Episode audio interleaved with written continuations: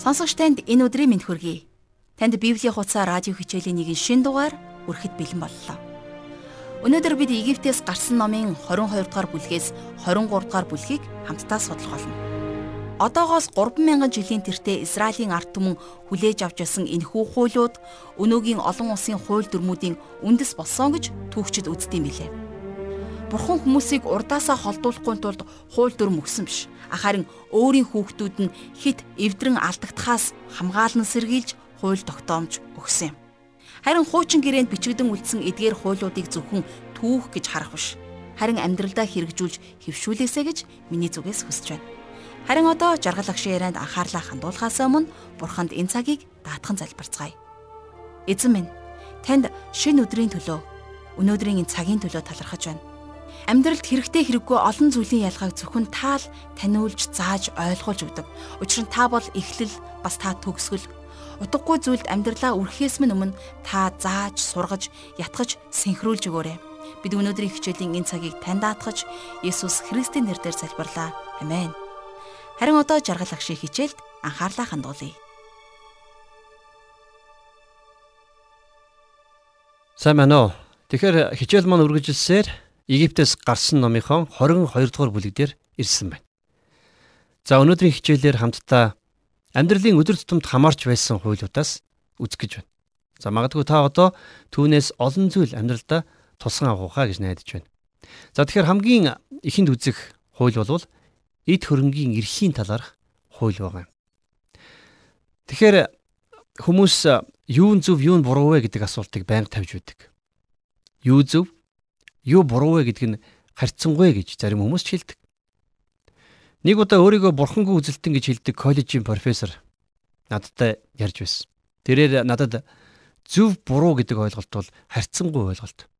Тэрний зөв гэж бодох, миний зөв гэж бодох хоёрын хооронд туйл байж болно гэж хэлсэн. Тэгээд тэр надаас та өөрийн он сургаалын дүгнэлтүүдийг юун дээр үнэлдэг юм бэ гэж асуусан. Би хариуд нь тэдгэрийг бурхны үг дээр суурилдаг юм а гэж би хариулсан. Миний мөн чанар яг түүний мөн чанартай адилхан байсан гэдгийг үргэлжлүүлэн хэлсэн. Би тодорхой зүйл дээр бууж өгөхийг хүсдэг. Би савлуурыг энд тэнд байлгахыг хүсдэг. А гэхдээ бурхан надад дагах нэг жишгийг л өгснийг би дагахыг хэрмэлцдэг.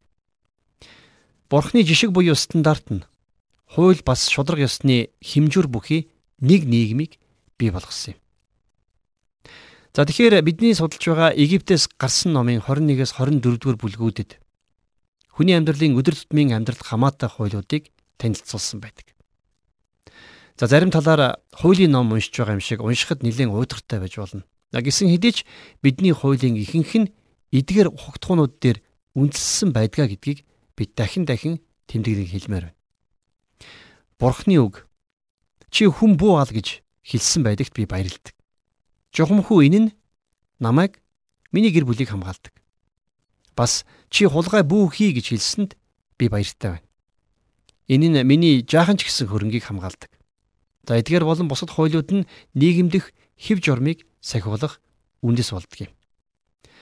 За ингээд хамтдаа Египтээс гарсан номынхон 22 дугаар бүлгийн 1-р ишлэлийг гаргацгаая. За энэ ингэж бичсэн байна.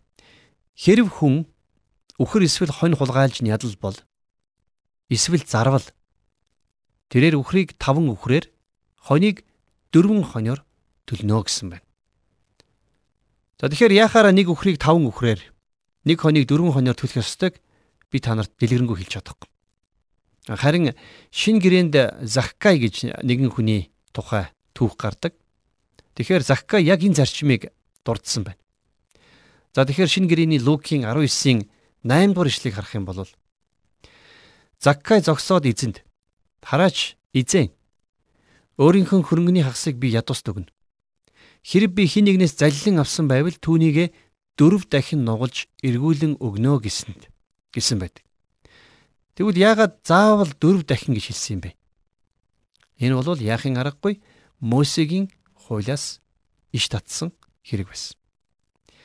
За өнөөдөр манай хууль Хэрвээ чи хүний эд хөрөнгийг сүйтгэсэн бол хохирлыг төлөх ёстой гэж хэлдэг. Таныг хин нэгний эд хөрөнгийг гэмтэх эсвэл сүйтгэх үед за манай нийгмийн шаардах тэр зүйл бол Яг л тэр шамшигдуулсан гимтээсэн зүйлийг нь орлуулах эсвэл үнийхэн дүнгээр төлөх гэсэн шаардлага байна. А дөрөв дахин нуглан төлөх гэдэг зарчим бол хүн төрлөختний арга барилаас илүү дээр. Хэрвээ бид нар альва зүйлийг дөрөв дахин нугалж төлөх ёстой бол бид илүү болгоомжтой байх боломжтой. Хүний мөн чанар үргэлж адилхан. А харин бурхан үргэлж хийвэрэ байдаг. Бурхан хүний хувьд юу нь хамгийн сайн байх үндэстээр хүнтэй харилцдаг юм. За үргэлжлүүлэн цаашаа харцгаая 2 дугаар ишлэл дээр. Хэрв хулгайч үйлдэл дээр баригдан цохиулж өгвөл түүний төлөө цус урсгасан гмийн шийтгэл байхгүй гэсэн байна.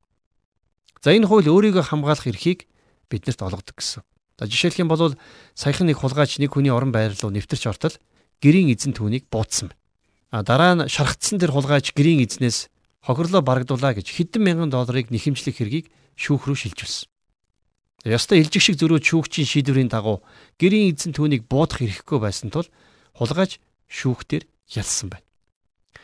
Хохирлыг барагдуулахын тулд гэрийн эзэн эд хөрөнгөө зарах хэрэгтэй болж. Тэгээд хулгайчийн эсрэг ямар ч буруутгал за ямар ч хэрэг байгаагүй. Тэгэхээр өнөө үед буруутны эрхийг хамгаалахад л илүү их анхаардаг болж. Харин огт гимгүү хүний эрх хөндөгддөг болсон байна. Тэгэхээр бурхны дээр дурдсан хууль болвол хүний эд хөрөнгө болон гэр оронг хамгаалдаг. Энэ зарчмын доор хүн өөрийн эд хөрөнгө гэр орон хайртай хүмүүсээ хамгаалсан бол зөвтгөгдөх зарчим үйлчилж байна. Бурхны хууль нийгмийн хууль дүрм журмыг өгөх үндсэн зарчмууд болдгийг.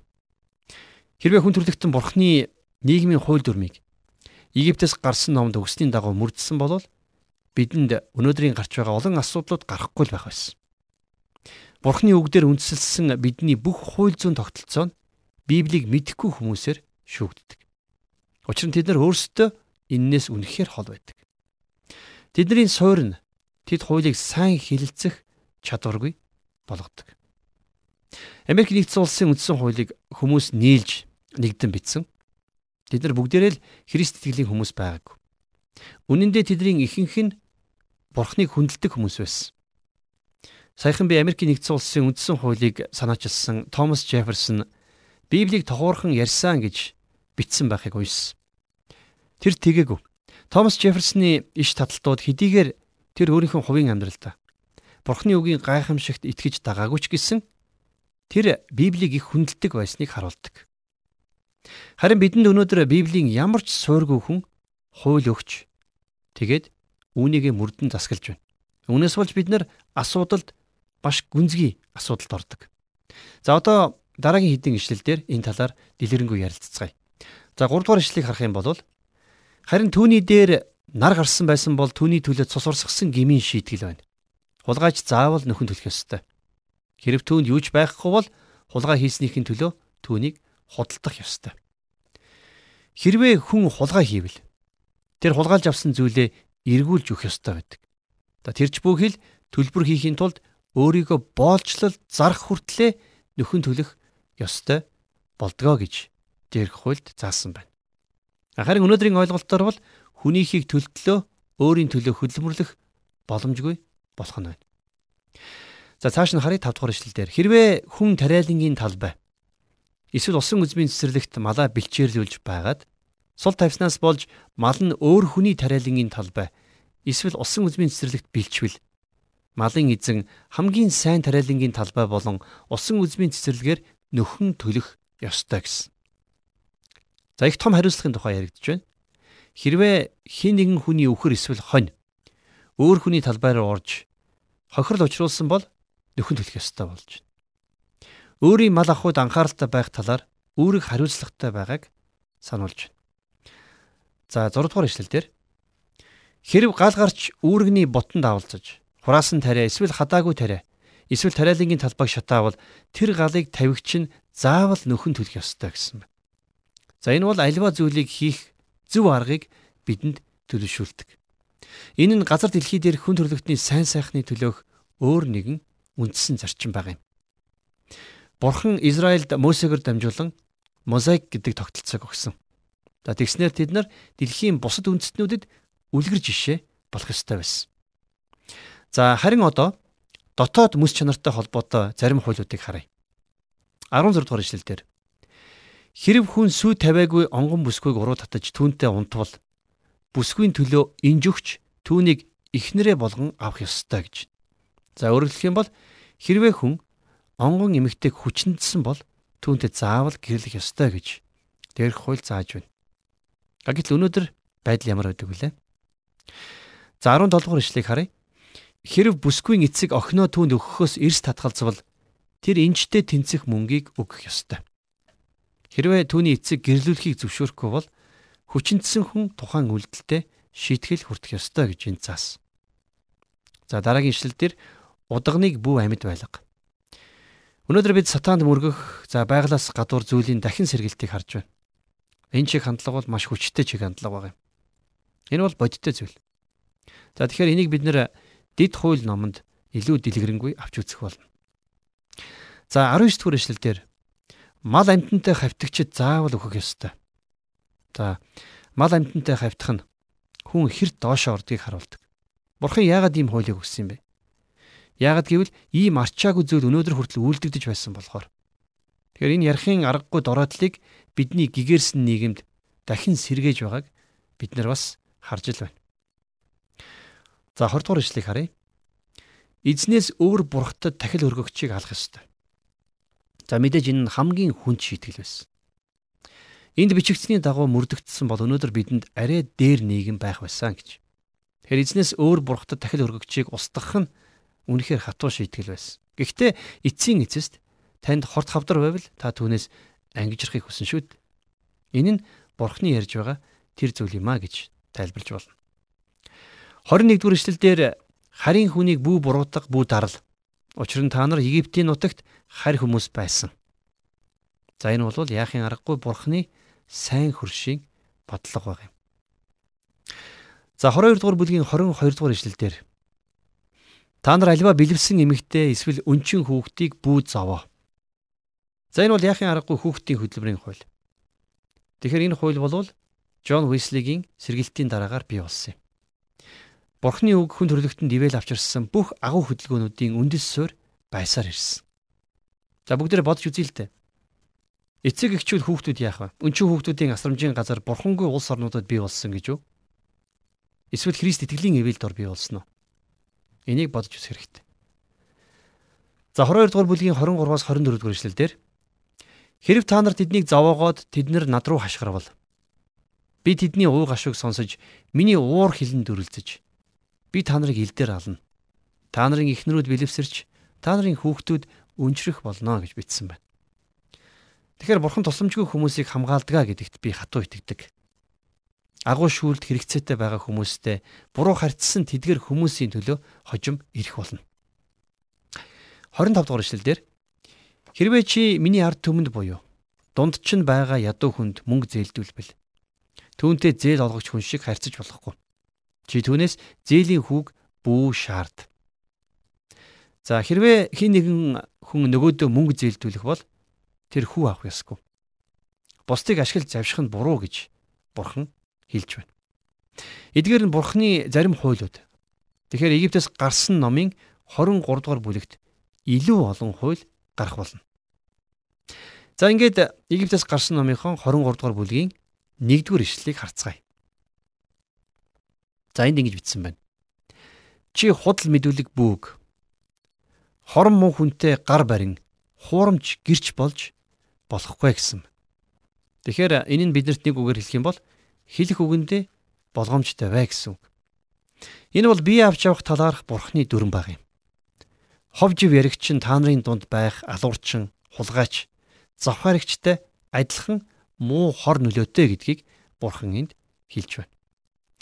За 23 дугаар бүлгийн 2 дугаар ишлэлдэр олныг дагалдан мууг үлдэж болохгүй. Шудраг эсийг завхруулахын тулд олныг дагаж шүүхэд бүү гэрчил гэсэн.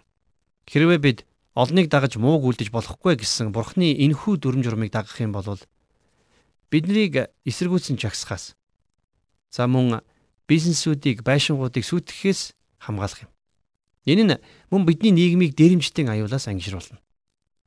За 23 дугаар бүлгийн 3 дугаар эшлэлдэр шүүхтэр ядуу хүнийг бүү ялгуурал За шүүхийн шийдвэр нь баян эсвэл ядуу хүнд хэлбэлцэх ёсгүй.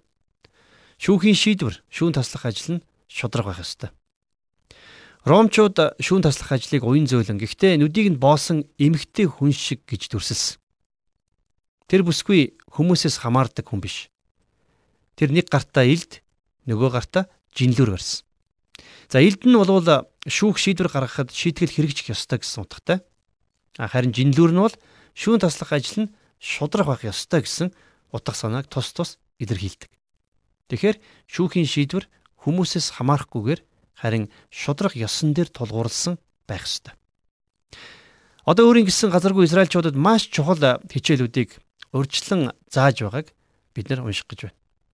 За 23 дугаар бүлгийн 10-аас 11 дугаар эшлэлдэр Чи 6 жил газараа тариалж ургацыг нь хураа.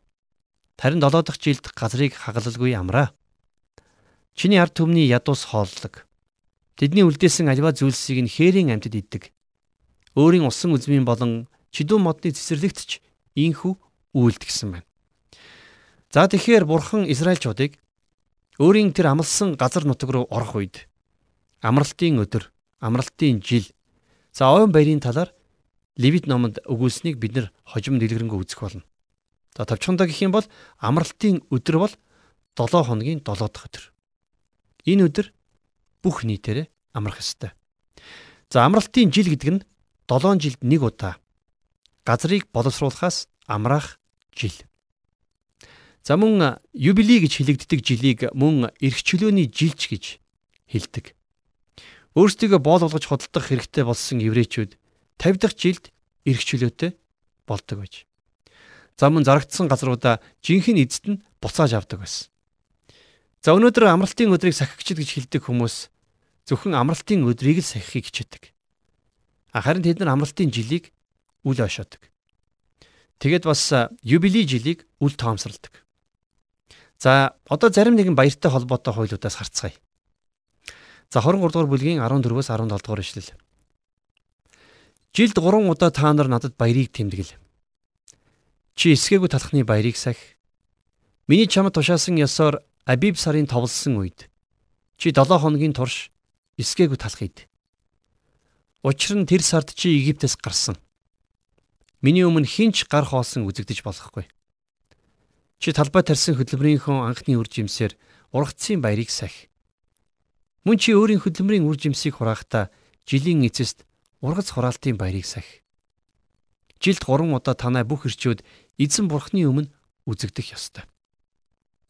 За еврейн ирчүүд жилд 3 удаа Иерусалимд эзэн бурхны өмнө үзэгдэх ёстой байдаг. Тэгэхээр тэдний өмнө 3 баярыг тэмдэглэх ёс жаяг байсан. За эхнийх нь дээгүр өнгөрөх баяр. Хоёрдугаарх нь Пентекост баяр. За гуравдугаарх нь майхан баяр. За дээгүр өнгөрөх баяр бол Израильчууд Египтийн газар нутгийн эсрэг ирсэн хамгийн сүүлчийн гамшигаас хамгаалагдсан тэрхүү дурсамж. За боолчлын газар нутгаас чөлөөлөгдсөнийг дурсан тэмдэглэдгийг та санаж байгаа. За тэгэхээр Израильчууд амлагдсан газар нутг руу орохын өмнө эдгээр нь маш дэлгэрэнгүй бичигдсэн байна. За 20-с 21 дугаар ишлэгийг харъя. Үзэгтэн. Замд чамайг хамгаалахын тулд миний бэлтгэсэн газар руу чамайг аваачихын тулд би чиний өмнө тэнгэр элчийг явуулах гэж байна. Түүний өмнө анхааралтай байж дуу хоолойг нь дуулууртай даг. Түүний өмнөөс бүү тэрсэл. Учир нь миний нэр түүний дотор байгаа тул тэр чиний хилэнцгийг уучлахгүй. За энд гарч байгаа тэр тэнгэр элч гэх юм бэ? За бичээсийн бус хэсгийг харах юм бол энэ асуултанд хариулдаг. За тухайлх юм бол Коринт хотынд бичсэн 1-р загтлын 10-р бүлгийн 4-р эшлэлдэр бүгд адилхан сүнслэг ундааг уулсан байна. Тэднийг дагаж байсан сүнслэг хаднаас тэд ундаалсан юм.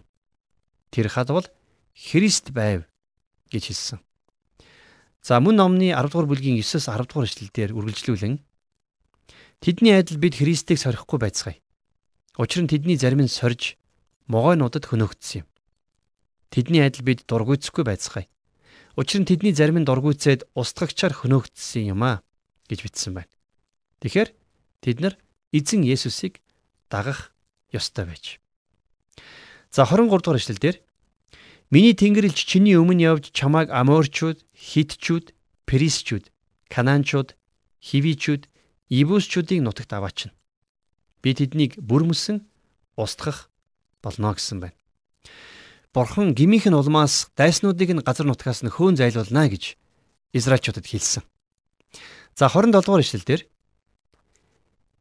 Би өөрийн аимшигыг чиний өмнө явуулж чиний очих газрын бүх ард түмнийг самуурд унган бүх дайсны чинь нурууг чамд харуулах болно гэсэн байна. Бурхан Израильчуудад дайснуудынх нь газар нутгийг өгч тэдний газар нутаг болгох нь түүний санаа гэдгээ хэлсэн байна. За тэгээд цааш нь 32-оос 33 дугаар ишлэлдэр чи тэдэнтэй Эсвэл тэдний бурхадтай ямар ч гэрээ байгуулж болохгүй. Тэд чиний газарт амьдрах ёсгүй. Эс тэгвэл тэд чамааг миний эсрэг нүгэл үлдэхэд хүргэх болно. Учир нь чи тэдний бурхтад хүлжилвэл энэ нь үнэхэрийн чамд урих болно гэсэн байна. Израилийн хүүхдүүд тэр газрын оршин суугчтай тэдний бурхадтай ямар ч гэрээ хийн тохиролцох ёсгүй байсан. Гэтэл харин хожим Йошуа Гибеончуудтай гэрээ хийж алдаа гаргадаг. Тэр хангалттай судалгаа тандалт хийгээгүйгээс энэхүү алдааг гаргасан. Тэгээд дараа нь Израиль үндэстэн Вавилон руу олзлогдсон шалтгаан нь эцсийн эцэст тэд хиймэл шүтэн рүү иргэн бусад бурхтыг шүтэх болсноос болсон юм. Өөрөөр хэлэх юм бол тэд нар бурхны энэхүү анхааруулгыг сонсоогүй.